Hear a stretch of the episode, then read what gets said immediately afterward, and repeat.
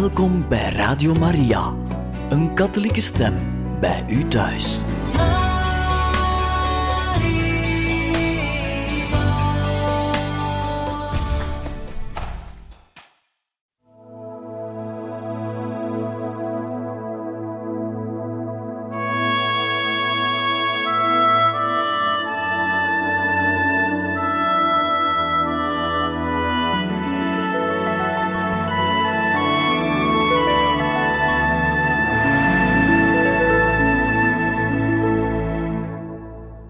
Beste luisteraars van Radio Maria, hartelijk welkom in dit programma Heilige Getuigen, waar wij vandaag starten met de voorlezing van het leven van de zalige Clemens August, kardinaal von Galen, bisschop van Münster in Duitsland, onder de nazi-terreur.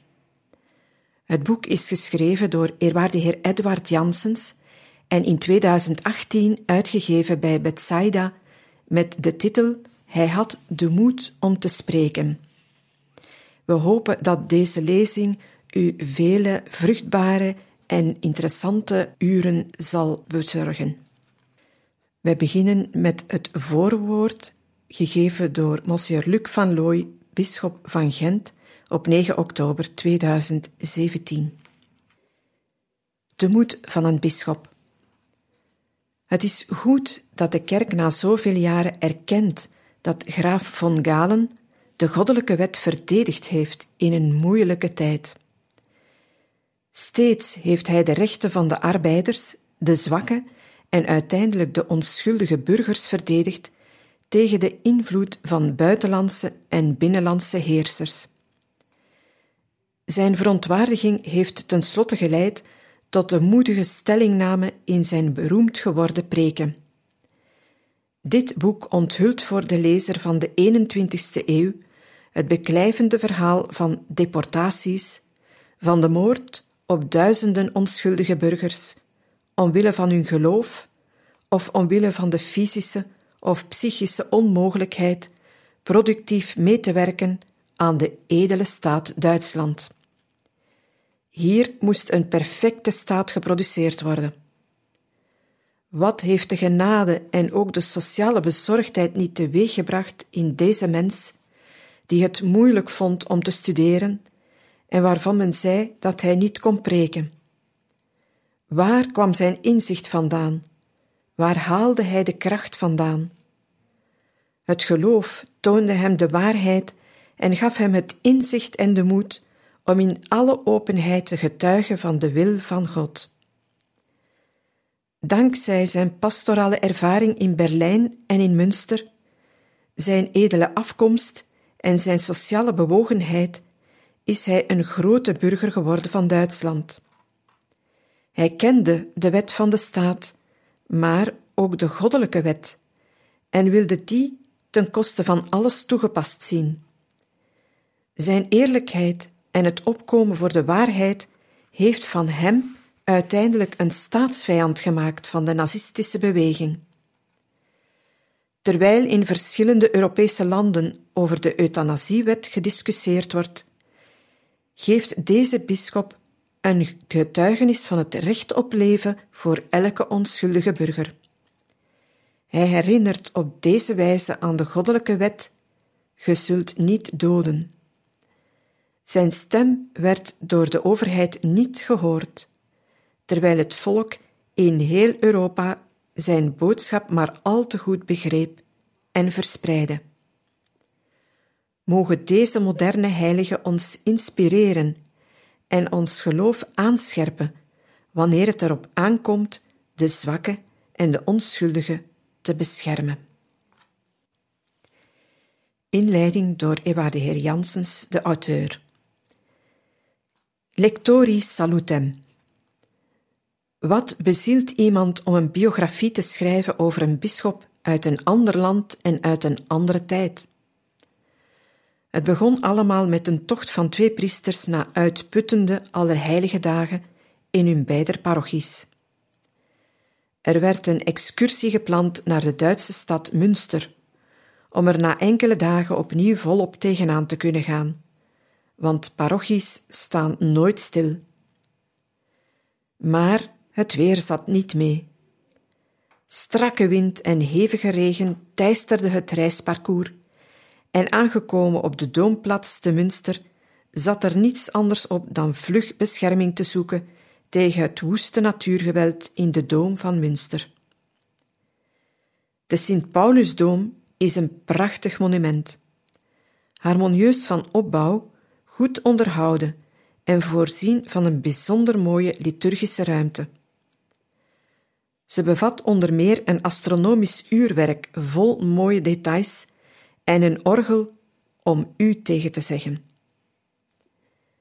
Naast de kerk staat een pand met een romantisch aandoend kerkhof, waar kapelaans, kapitelheren en bisschoppen hun laatste rustplaats hebben. In het pand is ook de toegang tot het Diocesaan Museum, waar op dat moment een tentoonstelling liep over een bisschop van Münster, Clemens August von Galen, die enkele weken eerder, op 9 oktober 2005, zalig was verklaard. Met het bezoek aan die tentoonstelling is alles begonnen.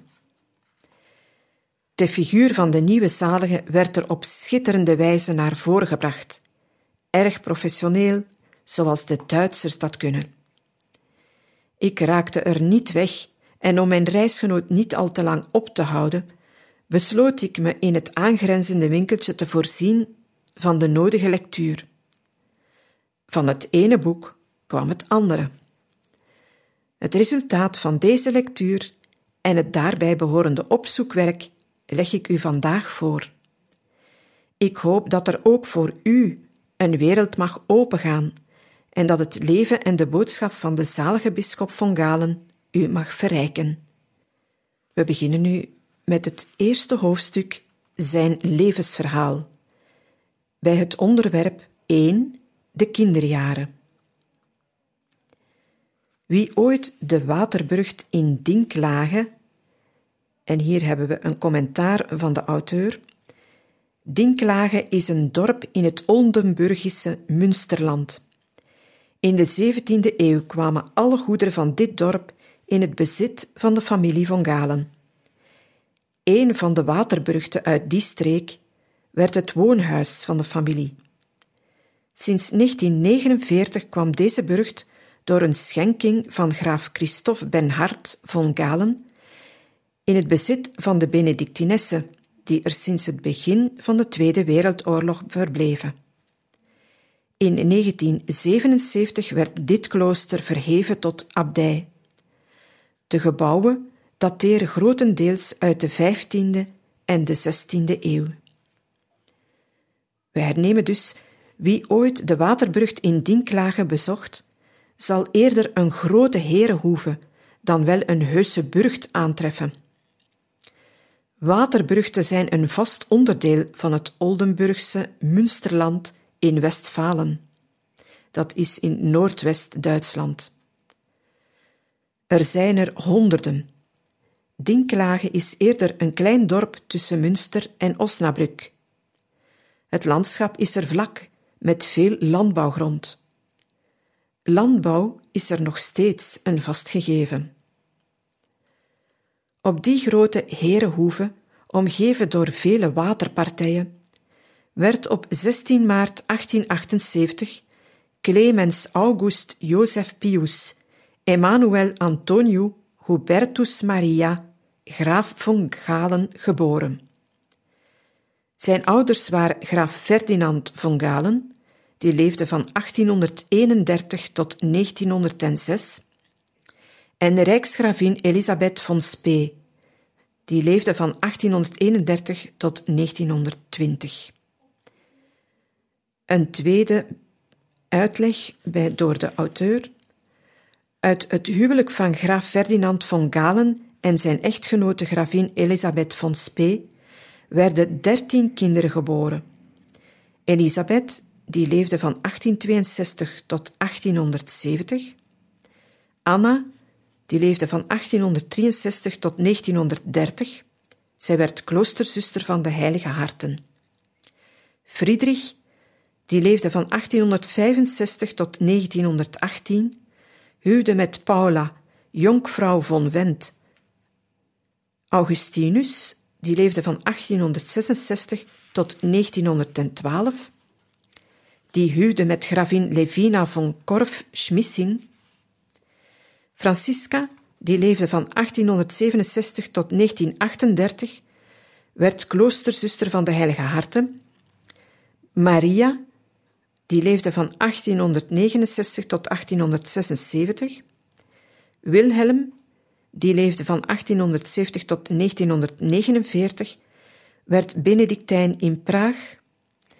Agnes, die leefde van 1872 tot 1943, huwde met Conrad Jonkheer van Vent. Jozef, die leefde van 1873 tot 1876. Paula, die leefde van 1876 tot 1923, tijdelijk oblate van Sint Benedictus. En Clemens August, die leefde van 1878 tot 1946, bisschop en kardinaal van Münster. En dan tenslotte Frans, die leefde van 1879 tot 1961 en die huwde met Antonia Jonkvrouw von Weix zur Wenne.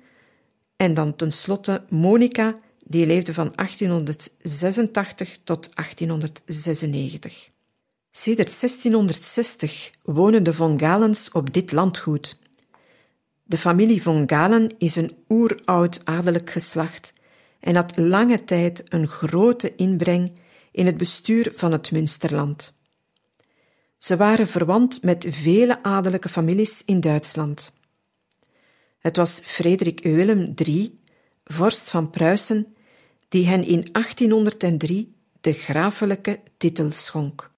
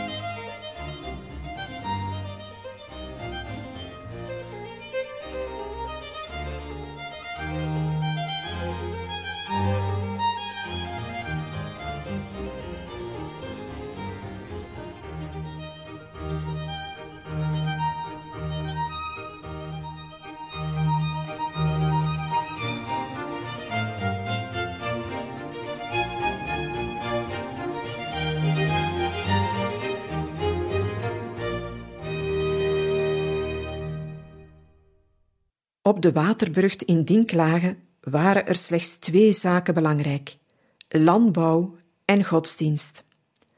Als groot grondbezitter, en dan spreken we over een slordige 4500 hectare grond, voelde de familie von Galen zich verplicht om voor hun talrijke pachters en huurders te zorgen. Alhoewel zij heren waren, hadden ze toch bijzonder veel aandacht voor het wel en wee van de landbouwbevolking van hun streek. Vader Ferdinand Heribert von Galen was volksvertegenwoordiger voor de katholieke Centrumpartij, dat Centrum, in de Rijksdag van Berlijn van 1873 tot 1903. Niet vrij van enig eigenbelang stond hij steeds op de bres voor de landbouwers. Dichter bij huis was hij lid van veel landbouworganisaties. Op sociaal vlak was hij een voorvechter voor meer rechten en betere leefomstandigheden voor werklieden. In de geest van zijn oom bisschop Wilhelm Emanuel von Ketteler, bisschop van Mainz van 1850 tot 1877, die zelf een baanbrekend sociaal voorvechter was. Het tweede, waar het in slot Dinklage rond draaide, was godsdienst. Het dragende element van deze familie was het rooms-katholieke geloof, beleefd in een ultramontaanse geest. Commentaar van de auteur: Het ultramontanisme is een leer binnen het katholicisme die de autoriteit van de paus in zaken van geloof en discipline benadrukt. Dinklage had meer weg van een klooster dan van een kasteel. Vanaf het begin waren de ouders zich bewust van hun opvoedkundige taak.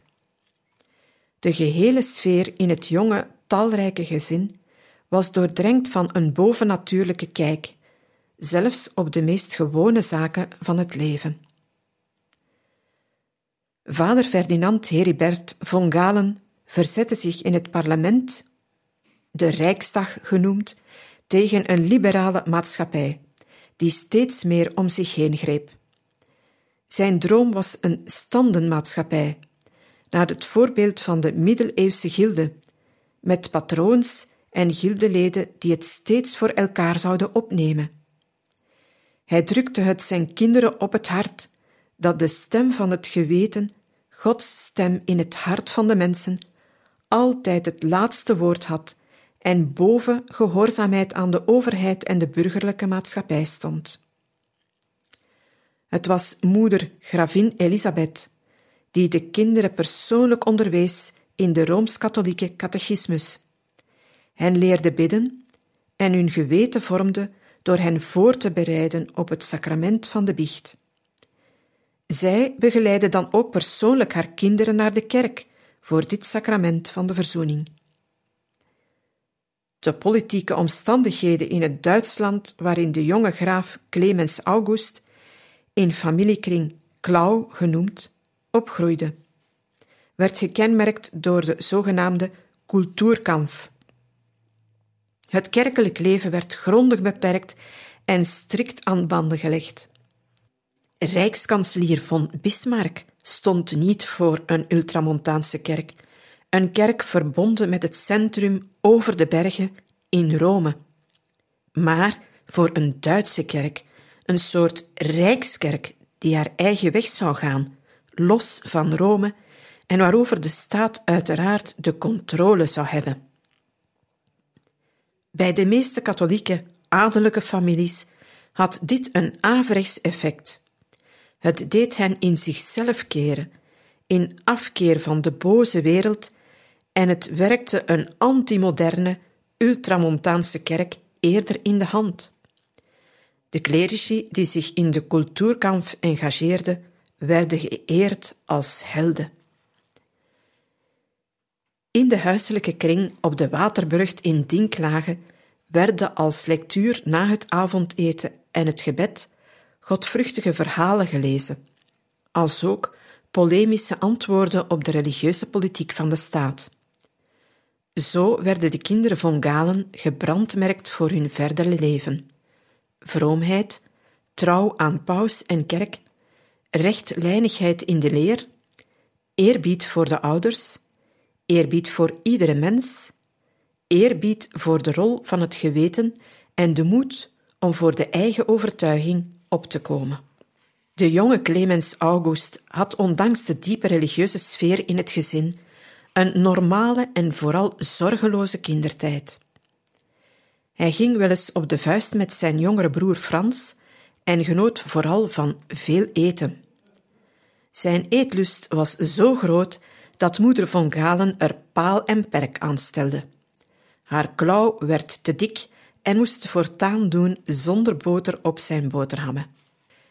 Clemens August genoot ook bijzonder veel van de natuur, die in Dinklage werkelijk prachtig is.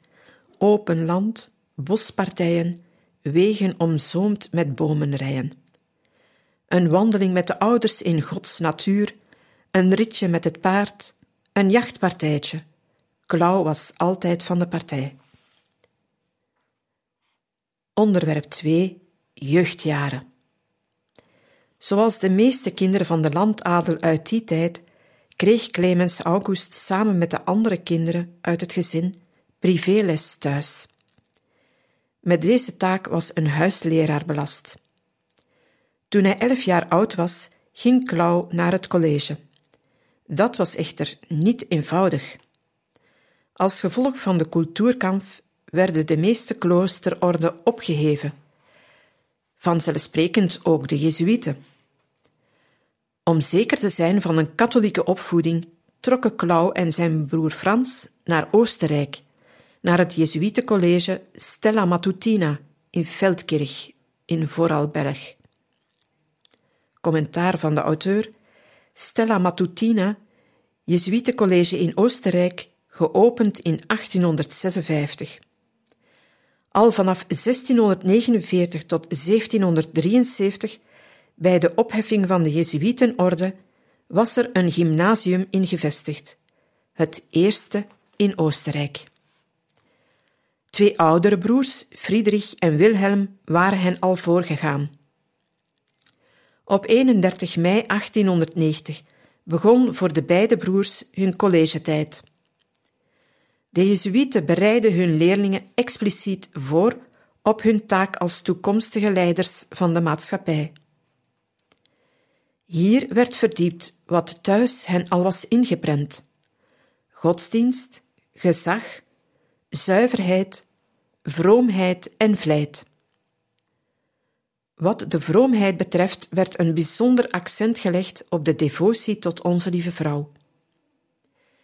In het college ging het er streng aan toe. Een strikte discipline en een tot in de puntjes georganiseerde dagindeling. Dagelijkse mis, recollecties, maar ook sport kwam aan bod. Voetbal, zwemmen, hockey.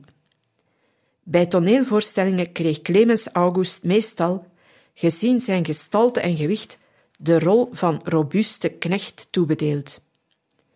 Hij speelde ook in het blaasorkest van de school. Een buitengewoon student schijnt hij niet geweest te zijn. Het studeren viel hem wel eens zwaar. In een brief van zijn moeder, gravin Elisabeth, van 23 oktober 1891 klinkt het zo: Zijn je opdrachten te zwaar voor jou, of zijn het er te veel? Je bent van nature eerder langzaam ik denk dat een doortastende vlijt je de moeilijkheden bij het studeren met Gods hulp zal doen overwinnen. Hij schijnt ook last gehad te hebben van een zekere koppigheid en het waren meestal zijn leraren die ongelijk hadden.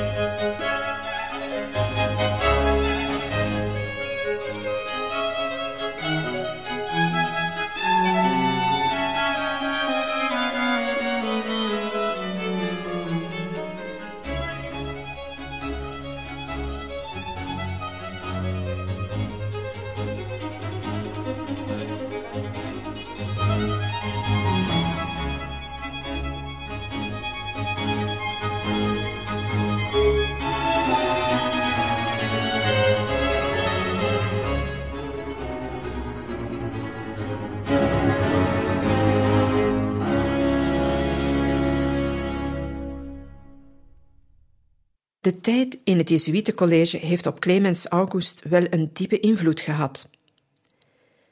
De Jesuiten werden door de Duitse regering als vijanden van het vaderland bestempeld, als de stoottroepen van de paus.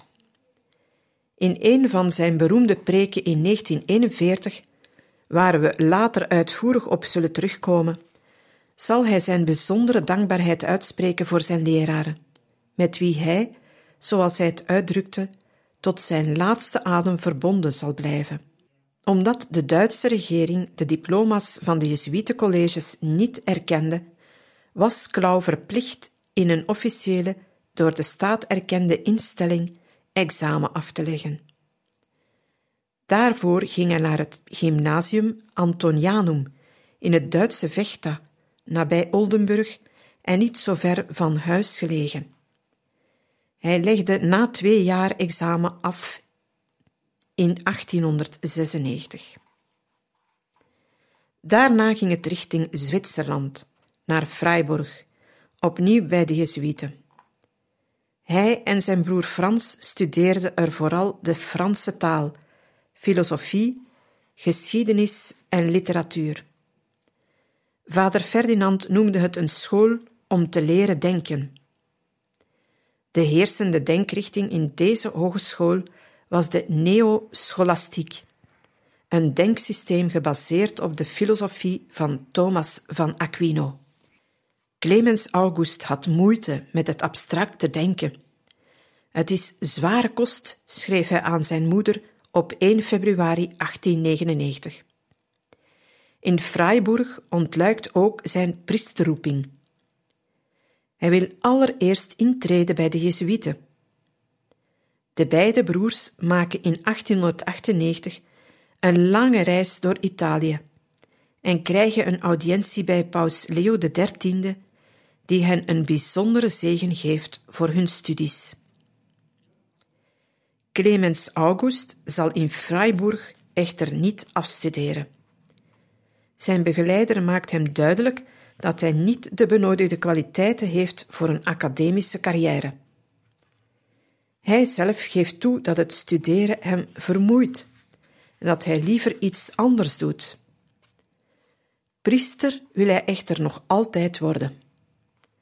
Daarom stuurt zijn geestelijke raadsman, pater Scheffler, hem naar Innsbruck voor de eigenlijke priesteropleiding en daar zal hij zich voorbereiden op het seminarie-examen. Zelf wil hij graag priester gewijd worden in Innsbruck, in Oostenrijk. De bisschop van Münster, onder wiens jurisdictie hij valt, wijst dit echter af hij wil dat hij naar het bisschoppelijk seminarie van Münster komt. Daarom verhuist hij met Pasen 1903 naar het Collegium Borromeum in Münster, om zich voor te bereiden op een priesterleven in de zielzorg. De wijdingen volgen elkaar nu snel op. Op 10 augustus 1903 wordt hij subdiaken gewijd op 19 december van datzelfde jaar diaken. En op 28 mei 1904 wordt hij tot priester gewijd in de Sint-Paulusdom van Münster door bisschop Dingelman. De dag daarna draagt hij zijn eremis op in de Sint-Josefskapel van dezelfde kathedraal, waar het graf is van een van zijn beroemde familieleden, de vorst-bisschop Christophe Bernard von Galen, die leefde van 1609 tot 1678.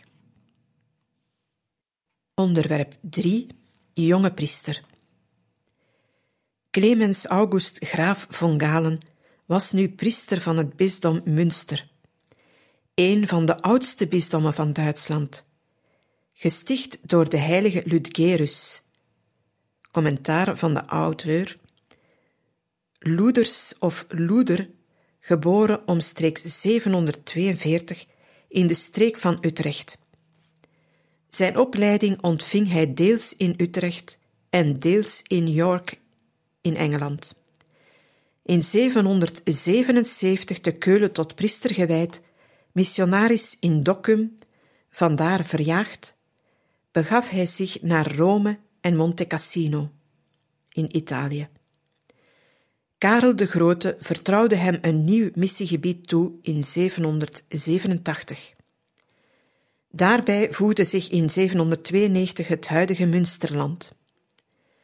Als centrum van de toekomstige bisschopstad koos hij het toenmalige Mimegernafort, waar hij een klooster van kanuniken en een kloosterschool stichtte.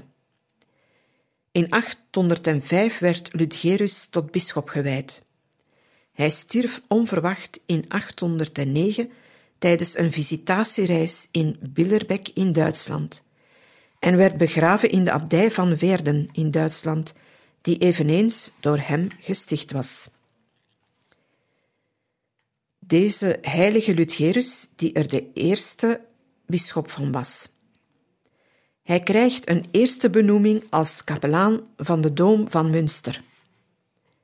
Hij werd de achtste in de rij van kapelaans die de Doom van Münster rijk was. Tegelijkertijd werd hij aangesteld als privésecretaris van zijn oom Maximiliaan Gerion von Galen, hulpbisschop van Münster, van 1832 tot 1908. Deze had als priester, pastoor en professor gewerkt in het bisdom Mainz en was secretaris geweest van de bisschop van de arbeiders, Wilhelm Emanuel von Ketteler, waarover we al eerder hebben geschreven, en die een verwant was van de familie. Het werden voor de jonge priester twee intense jaren, waarin hij zijn oom begeleidde op talrijke vormstelreizen en hem onder meer vergezelde tijdens een bezoek aan het Vaticaan in 1905. Het werden belangrijke jaren, omdat hij de verscheidenheid leerde kennen van het grote bisdom Münster, waarvan hij later zelf bisschop zou worden. Van uitgestrekte landbouwgebieden in het noorden van het bisdom tot het zeer sterk geïndustrialiseerde Roergebied in het zuiden. Van diaspora-katholieken in het noorden tot een diep gewordeld christendom rondom Münster. Twee jaar na zijn priesterwijding echter verhuist de jonge priester naar Berlijn. Het bisdom Berlijn en het bisdom Münster hadden een overeenkomst om één parochie in de hoofdstad toe te wijzen aan een priester van het bisdom Münster. In Berlijn heerste er destijds al een priestertekort. Clemens August werd kapelaan van de heilige Matthäusparochie te Berlijn-Schöneberg. Dit was een voorstad van Berlijn met maar liefst 80.000 inwoners. Het was de toegangspoort naar Berlijn voor al wie uit het oosten en het zuiden kwam. Uit Dresden, Bohemen, Oostenrijk, Leipzig, Frankfurt en het hele zuiden van Duitsland. Het was een haastig opgetrokken voorstad, voornamelijk bestaande uit grote woonkazernes die de talrijke migranten uit verschillende delen van het Rijk moest zien te huisvesten. De Matthäusparochie telde bij aankomst van Von Galen in 1907 ongeveer 24.000 katholieken.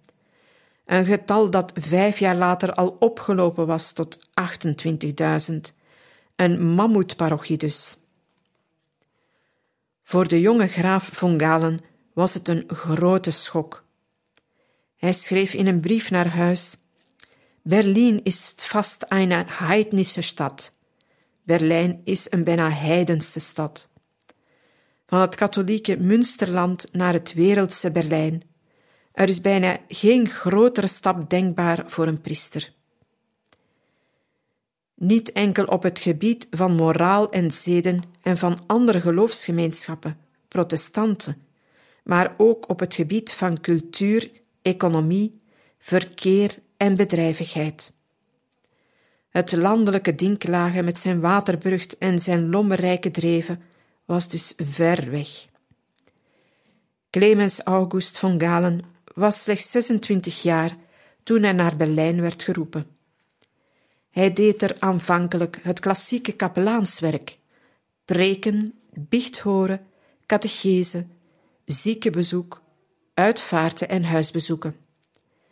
Naast kapelaan van Sint Matthäus werd von Galen ook benoemd tot prezes van de Gezellenverein, een soort proostbestuurder van een specifieke vereniging om arbeiders op te vangen die werk kwamen zoeken in de grote stad.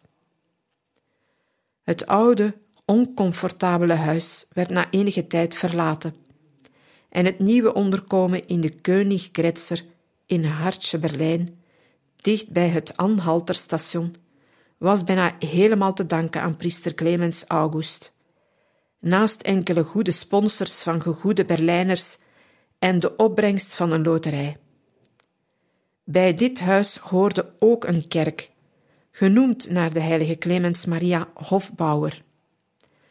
Voor de bouw van het tehuis voor arbeiders, zowel als voor de kerk, schonk von Galen zelf 45.000 goudmarken uit de erfenis van zijn vader, die overleed in 1906. Kapelaan von Galen werd nu benoemd als eerste curaat, een curator van de Clemens Maria Kerk. De Clemens Maria Hofbouwerkerk was geen zelfstandige parochie. Zij bleef onderdeel van de grote Matthäusparochie, maar genoot een zekere zelfstandigheid onder de leiding van een curaat die beschikte over grote bevoegdheden en in feite functioneerde als een soort quasi-pastoor. Voor het werk met zijn gezellen heeft von Galen zich bijzonder ingespannen. Deze vereniging was ooit ontstaan onder invloed van, andermaal, de bisschop van de arbeiders, von Ketteler, de oom van zijn vader, en zijn grote voorbeeld. Niet te verwonderen dat Klauw zijn oogappel was. De vereniging telde toen in Berlijn 700 leden. Het was een prachtig werk dat probeerde de toevloed van werklieden naar de hoofdstad in goede banen te leiden. Het zorgde naast onderkomens, 200 kamers, voor cultuur met een bibliotheek, een zangkoor, een toneelvereniging en uiteraard ook voor de nodige religieuze begeleiding. Dit werk lag hem duidelijk na aan het hart en hij woonde ook in het tehuis op een bescheiden tweekamerflatje. Hij organiseerde zelfs de vrije tijd van zijn arbeiders. Hij huurde even buiten Berlijn een stuk bos aan een meer. Daar konden zijn gezellen van een zwempartijtje genieten, ver van vrouwelijk schoon en andere verleidingen. Het werden negen onvergetelijke jaren. Elke dag at hij aan dezelfde tafel met zijn werklieden. Elke avond bracht hij in hun gezelschap door. Dat deed hij omdat hij geloofde dat hij een echte bijdrage kon leveren aan hun sociale verheffing. Hij was in de omgang met zijn werklieden niet links georiënteerd, eerder het tegenovergestelde. Hij zag zich als een soort patroon met gildewerkers, een ideaal dat in veel kringen als een christelijk alternatief werd gezien voor de opkomende klassenstrijd. Clemens August wilde burgers vormen die hun plaats in de maatschappij wisten in te nemen binnen de vooropgezette ordening. Daarnaast deed hij zijn kapelaanswerk tijdens de Eerste Wereldoorlog. Het liefst was hij zelf naar het front vertrokken met zijn broer Frans, die als officier in het Duitse leger zijn plicht deed. Almoezenier worden bij de Duitse troepen sprak hem ook wel aan. Hij deed er zelfs een aanvraag voor weg, maar hij werd geen van beiden. Hij bleef in Berlijn als een vurig patriot en deelde in de begeestering van het Duitse volk voor hun keizer. Hij had het volste vertrouwen dat het Duitse leger zou zegevieren. Hij verschilde daarin niet veel van de meeste Duitse katholieken. Eventjes kwam kapelaan Clemens August in de kijker. Toen hij in 1916 zijn huis voor arbeiders veranderde in een hospitaal voor gewonde soldaten. En keizerin Auguste Victoria hem en zijn hospitaal vereerde met een bezoek in maart 1916. De bittere nederlaag van een Duitse leger en vooral het schandelijke verdrag van Versailles dat daarop volgde, brachten hem in grote verwarring. Zoals velen in Duitsland zocht hij naar de oorzaak van de Duitse nederlaag. Volgens hem lag het aan een soort revolutie binnen het Duitse leger. Hij schreef zijn gedachten neer in het artikel Waar ligt de schuld? Gedachten bij de nederlaag en de wederopbouw van Duitsland.